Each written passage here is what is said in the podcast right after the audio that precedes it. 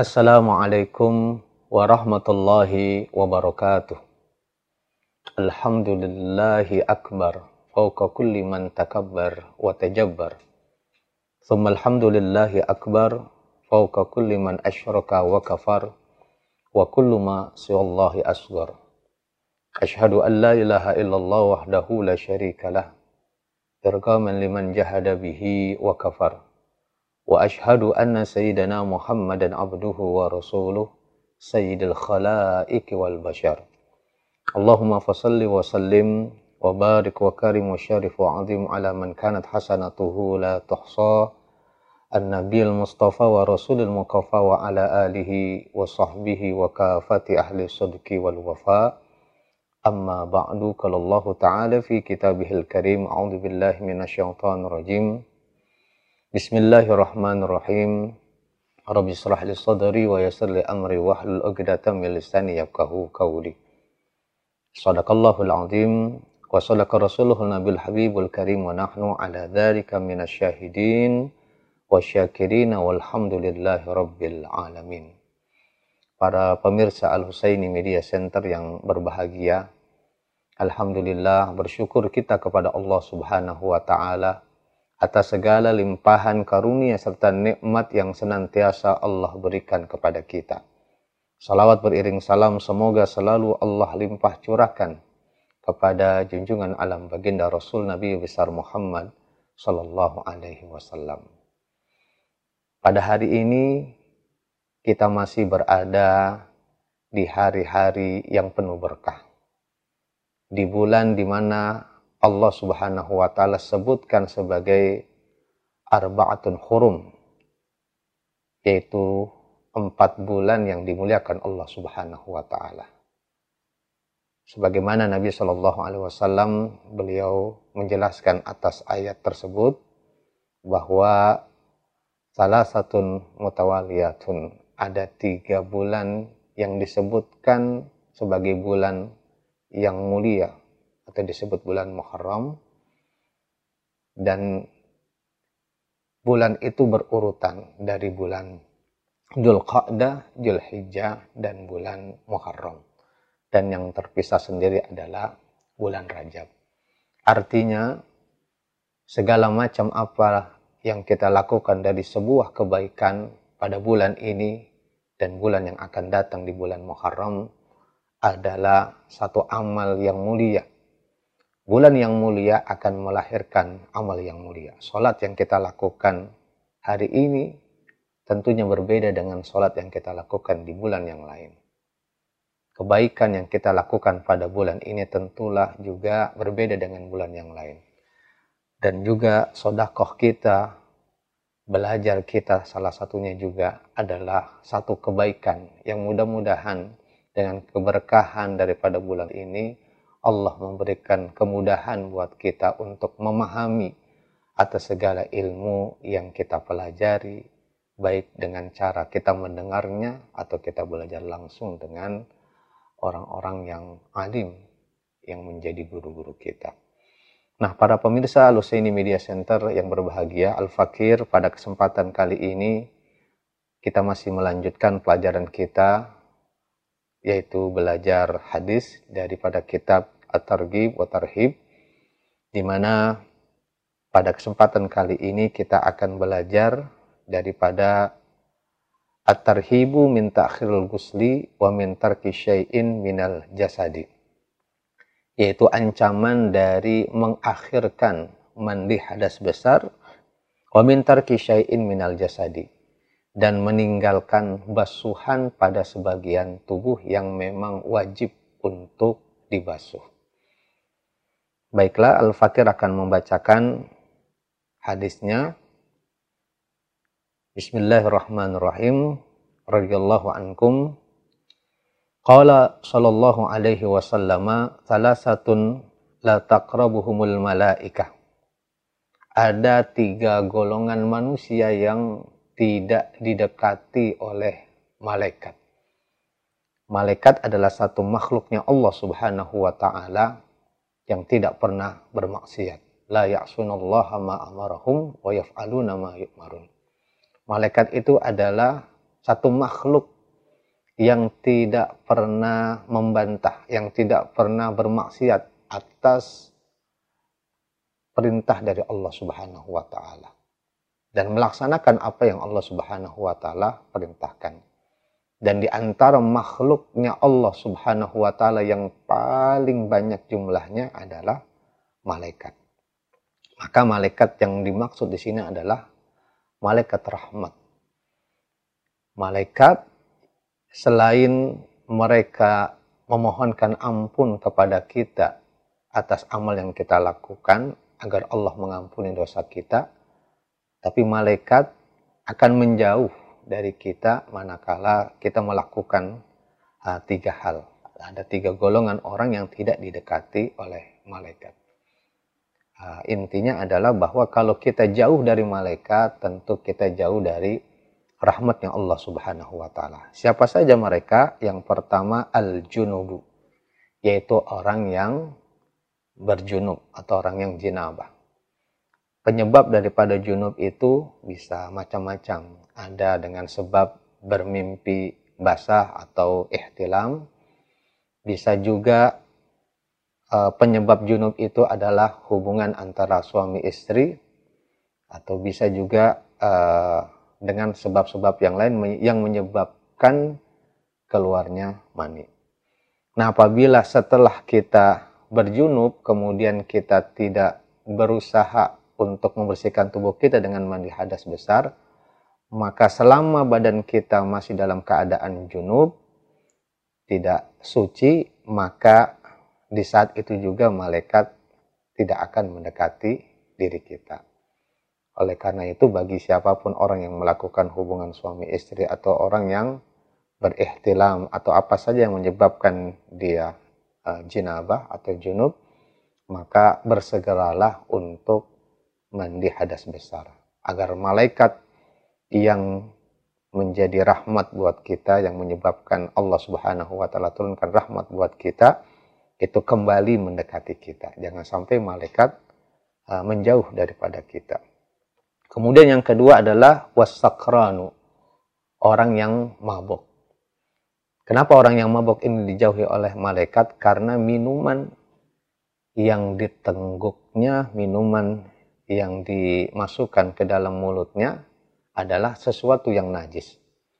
Maka ketika dia memasukkan benda yang najis yang berupa minuman uh, keras atau minuman yang memabukkan tersebut, maka dia tentu berlumuran najis. Maka malaikat pun tidak mau mendekati. Bagi orang yang mabuk, kemudian dia segera kembali kepada Allah, membersihkan tubuhnya, maka nanti malaikat akan kembali mendekati dirinya. Dan yang ketiga adalah wal mutadammihu bil khulufi. Itu mereka orang yang berlumuran minyak ja'faron. Kenapa orang yang berlumuran minyak Ja'faron itu dijauhi oleh malaikat? Karena biasanya para dukun, orang-orang yang ingin berbuat jahat dengan santet dan lain sebagainya, biasanya mereka menggunakan minyak Ja'faron. Maka orang yang melumuri dirinya itu dengan minyak Ja'faron tidak disukai oleh malaikat. Oleh sebab itu, para pemirsa Aluseni Media Center yang berbahagia, maka tiga hal ini seharusnya kita hindari. Yang pertama, kalau kita junub, maka bersegeralah untuk mandi hadas besar. Kalaupun kita tidak uh, apa namanya tidak mandi hadas besar saat itu juga, maka dianjurkan untuk berwudu. Umpamanya malam terlalu malam dingin, kalau kita mandi bisa menyebabkan kita sakit maka diganti dulu dengan berwudu. Nanti besok sebelum kita melaksanakan sholat subuh, maka wajib bagi kita untuk mandi hadas besar. Jangan sampai junub, kemudian sudah masuk waktu sholat, kita belum sampai sholat, bahkan sampai keluar waktu sholat, kita masih dalam keadaan junub. Begitu juga bagi orang yang mabuk-mabukan, maka bersihkanlah kita punya mulut daripada najis. Dan kalau kita menggunakan minyak ja'faron ya seperlu yang kita gunakan. Kalau kita lumuri seluruh tubuhnya mah lah justru malaikat akan menjauh daripada diri kita. Kemudian wa an Ali radhiyallahu annahu qala dan dari Sayyidina Ali karamallahu wajha semoga Allah Subhanahu wa taala memuliakan wajahnya annahu qala bahwasanya beliau berkata qala Rasulullah sallallahu alaihi wasallam bersabda Nabi sallallahu alaihi wasallam man taraka mawdi'a sya'ratin min jasadihi fi janabatin lam yagsilha ila biha kada wa kada finnar. Kata Sayyidina Ali mengutip daripada sabdanya Nabi Shallallahu Alaihi Wasallam bahwasanya Rasulullah Shallallahu Alaihi Wasallam bersabda mantarka mau dia sya'rotin barang siapa yang meninggalkan satu tempat dari rambutnya ada satu helai rambutnya atau dari bulu yang ada di tubuhnya min jasa dihi daripada tubuhnya fi janabatin di mana dia dalam kondisi uh, janabah dalam kondisi junub yang dalam keadaan hadas besar.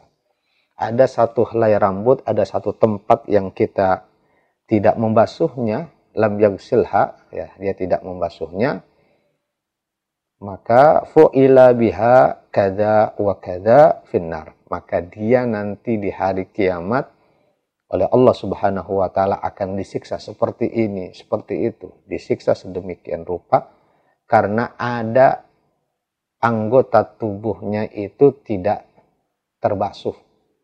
Nah, karena orang yang mandi hadas besar itu harus dan wajib membasuh seluruh tubuhnya dari ujung rambut sampai dengan ujung kaki. Makanya diperhatikan benar, diperhatikan secara benar-benar agar jangan sampai satu di antara anggota tubuh kita setitik bahkan itu tidak terbasuh. Ya, di sisi lain uh, mandi hadas besar kita juga tidak sah karena kalau ada bagian tubuh yang tidak terbasuh maka di sisi lain juga balasan nanti di hari kiamat Allah Subhanahu wa taala akan siksa kita pada bagian tubuh yang tidak terbasuh seperti ini seperti itu. Nah, buat laki-laki mungkin barangkali mudah karena tidak terlalu banyak apa namanya rambutnya tidak terlalu panjang untuk mandi hadas besar. Artinya dia bisa membasuhnya dengan benar-benar. Perhatikan, kita yang lebih tahu mana tubuh kita yang e, wajib dibasuh dan apakah basuhan itu sudah merata di dalam tubuh kita. Adapun bagi perempuan, ya rambut yang panjang kalau diikat, dikunci dan sebagainya itu mesti dibuka semuanya. Ya, jangan sampai ikatan-ikatan tersebut, yang kunciran tersebut atau ikatan di rambut tersebut itu sampai menghalangi masuknya air ke dalam uh, apa namanya rambutnya atau tempat tumbuhnya rambut. Jadi orang yang dalam keadaan janabah maka syarat untuk menghilangkan hadas besar tersebut adalah dengan mandi hadas besar. Mandi hadas besar itu cuma dua rukunnya. Yang pertama niat menghilangkan hadas besar, yang kedua adalah meratakan air ke seluruh tubuhnya. Jangan sampai ke kuku-kukunya, ke bagian selak-selak tubuhnya yang terlipat bagian rambutnya, maka itu sudah harus terbasuh seluruhnya. Jangan sampai mani kita tidak sah dan di akhirat nanti kita mendapatkan siksa dari Allah Subhanahu wa taala. Qala Aliun, maka Sayyidina Ali pun berkata, "Pamin sama ada itu sya'ra ra'si." Kata Sayyidina Ali, yang paling aku tidak sukai dari tubuh tubuhku ini adalah rambutnya Sayyidina Ali ya rambutnya. Wakana yajuru sya'rahu oleh karena itu Sayyidina Ali itu selalu memotong rambutnya.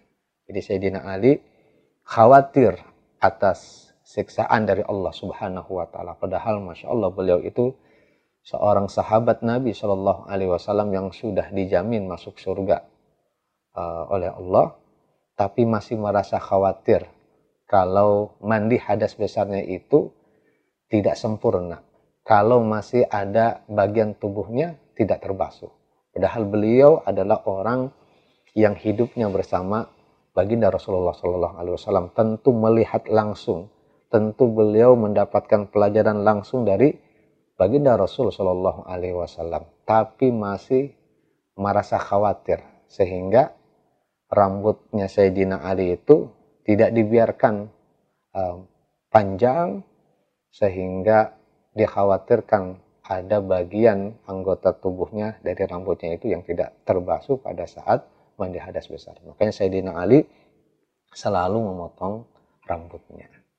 Ya, jadi kalau kita uh, punya rambut yang panjang, ya perhatikan. Kalau kita punya rambut yang barangkali ikal, uh, itu juga mesti diperhatikan sampai airnya itu benar-benar meresap dari mandi hadas besar kita. Uh, para pemirsa Lusaini Media Center yang berbahagia, uh, selanjutnya adalah atarhibu min lubsil khuffaini qabla naqdihima. Ya, ancaman daripada menggunakan khuffain. Artinya khuffain itu artinya sepatu yang digunakan pada saat musim uh, dingin. Uh, qabla naqdihima sebelum melepaskan keduanya. Nah, ini digunakan biasanya di Arab itu ada musim dingin. Di musim dingin itu yang uh, apa namanya ada sepatu yang bisa menghangatkan badan disebut dengan dengan khufen yang dipakai uh, seukuran batasan anggota tubuh yang wajib untuk dibasuh. Qala sallallahu alaihi wasallam bersabda Nabi sallallahu alaihi wasallam, "Man kana yu'minu billahi wal yawmil akhir" Barang siapa yang beriman kepada Allah dan kepada hari akhir, fala yalbas maka janganlah dia menggunakan khufaihi uh, sepatunya, khufennya, hatta yan kudahuma, sehingga dia melepaskannya. Jadi dalam uh, berwudu, ya ini ada rukhsah, ada keringanan dari Allah Subhanahu Wa Taala. Biasanya kalau kita wudhu, maka wajib kita membasuh kaki kita. Tapi pada kondisi cuaca yang sangat dingin, maka ada rukhsah ada keringanan di mana kita boleh menggunakan sepatu dan kita tidak perlu melepasnya untuk berwudu. Cuman tentu syarat dan ketentuannya ada di mana sebelum menggunakan khufen tersebut maka orang tersebut harus berwudu secara sempurna. Ya, anggota tubuhnya dari mulai wajahnya, kemudian rambutnya, rambut kepalanya, kemudian tangannya, kakinya, dia ada empat anggota yang wajib itu dibasuh dulu secara sempurna. Barulah dia menggunakan khufan tersebut. Bagi orang yang mukim, orang yang tidak pergi ke mana-mana, maka masa berlakunya atau expirednya itu adalah satu hari satu malam. Dimulai dari dia menggunakan sepatu itu, ya, kemudian sampai dengan uh, hari di mana dia menggunakan sepatu tersebut. Adapun bagi orang yang sedang ber, pergian, maka dia boleh tidak melepaskan sepatunya itu selama tiga hari tiga malam. Artinya kalau dia berwudu, basuh wajahnya, dia basuh tangannya. Tapi untuk kaki, nah, tidak perlu dilepaskan sepatunya, dia cukup mengusap nah, sepatunya. Dan sepatunya juga tidak sembarang sepatu. Artinya sepatunya itu harus menutupi uh, mata kakinya. Artinya bagian anggota tubuh yang wajib untuk dibasuh, maka sepatunya itu seukuran itu. Kalau di bawah mata kaki, maka itu tidak disebut sebagai khufen. Yang kedua, bahan yang digunakan dari sepatu tersebut adalah bahan yang kuat. Artinya kalau nanti ada air, itu tidak sampai nembus kaki kaki kita. Jadi bahan yang kuat, bahan kulit lah seperti itu. Ya, kemudian uh, digunakan juga setelah dia berwudu. Kalau dia sudah berwudu sempurna, tiba-tiba di tengah jalan, pokoknya dia sholat duhur, di sholat asarnya sudah batal, maka dia basuh seperti biasa, lempengan kaki, dia cukup uh, mengusapnya saja. Nah, para pemirsa Alusini Media Center yang berbahagia, itu adalah satu uh, keringanan, rukhsah dari Allah Subhanahu wa Ta'ala, bahwa beragama itu tidak sulit. Beragama itu tidak menyusahkan orang yang menganutnya, terutama agama kita, agama Islam. Selalu ada keringanan rukshoh yang Allah berikan buat kita. Orang yang dalam perjalanan dia boleh menjamak sholatnya, bahkan meringkas sholatnya. Orang yang dalam perjalanan ya, bahkan dia boleh iftar, dia boleh tidak berpuasa meskipun itu puasa Ramadan. Tentu dengan syarat dia harus keluar dari kampungnya itu sebelum uh, fajar. Dan masih banyak lagi keringanan-keringanan, ruksoh-ruksoh yang Allah berikan tanpa mengurangi pahala, tanpa mengurangi maknanya. Oleh karena itu, patutlah kita berusaha uh, semaksimal mungkin agar apa yang kita lakukan pada hari ini adalah sesuatu yang terbaik buat Allah Subhanahu wa taala. Karena Allah tidak pernah menyusahkan hambanya, maka sebagai bentuk rasa syukur, sebagai bentuk rasa ketaatan kita kepada Allah Subhanahu wa taala, maka berusahalah memberikan yang terbaik. Salat kita adalah salat yang terbaik untuk Allah. Puasa kita adalah puasa yang terbaik yang kita persembahkan untuk Allah. Bacaan kita, bacaan Quran adalah bacaan terbaik yang kita persembahkan untuk Allah Subhanahu wa taala. Pada akhirnya juga nanti Allah akan memberikan yang terbaik buat kita. Mungkin ini saja yang dapat Al-Fakir sampaikan. Mudah-mudahan ada manfaatnya dan insya Allah kita akan lanjutkan pelajaran kita di minggu yang akan datang ya berkaitan dengan bab tayamum, bab tentang tayamum. Inilah yang bisa Al-Fakir sampaikan. Uh, hadanallah wa iyyakum ajmain. Assalamualaikum warahmatullahi wabarakatuh.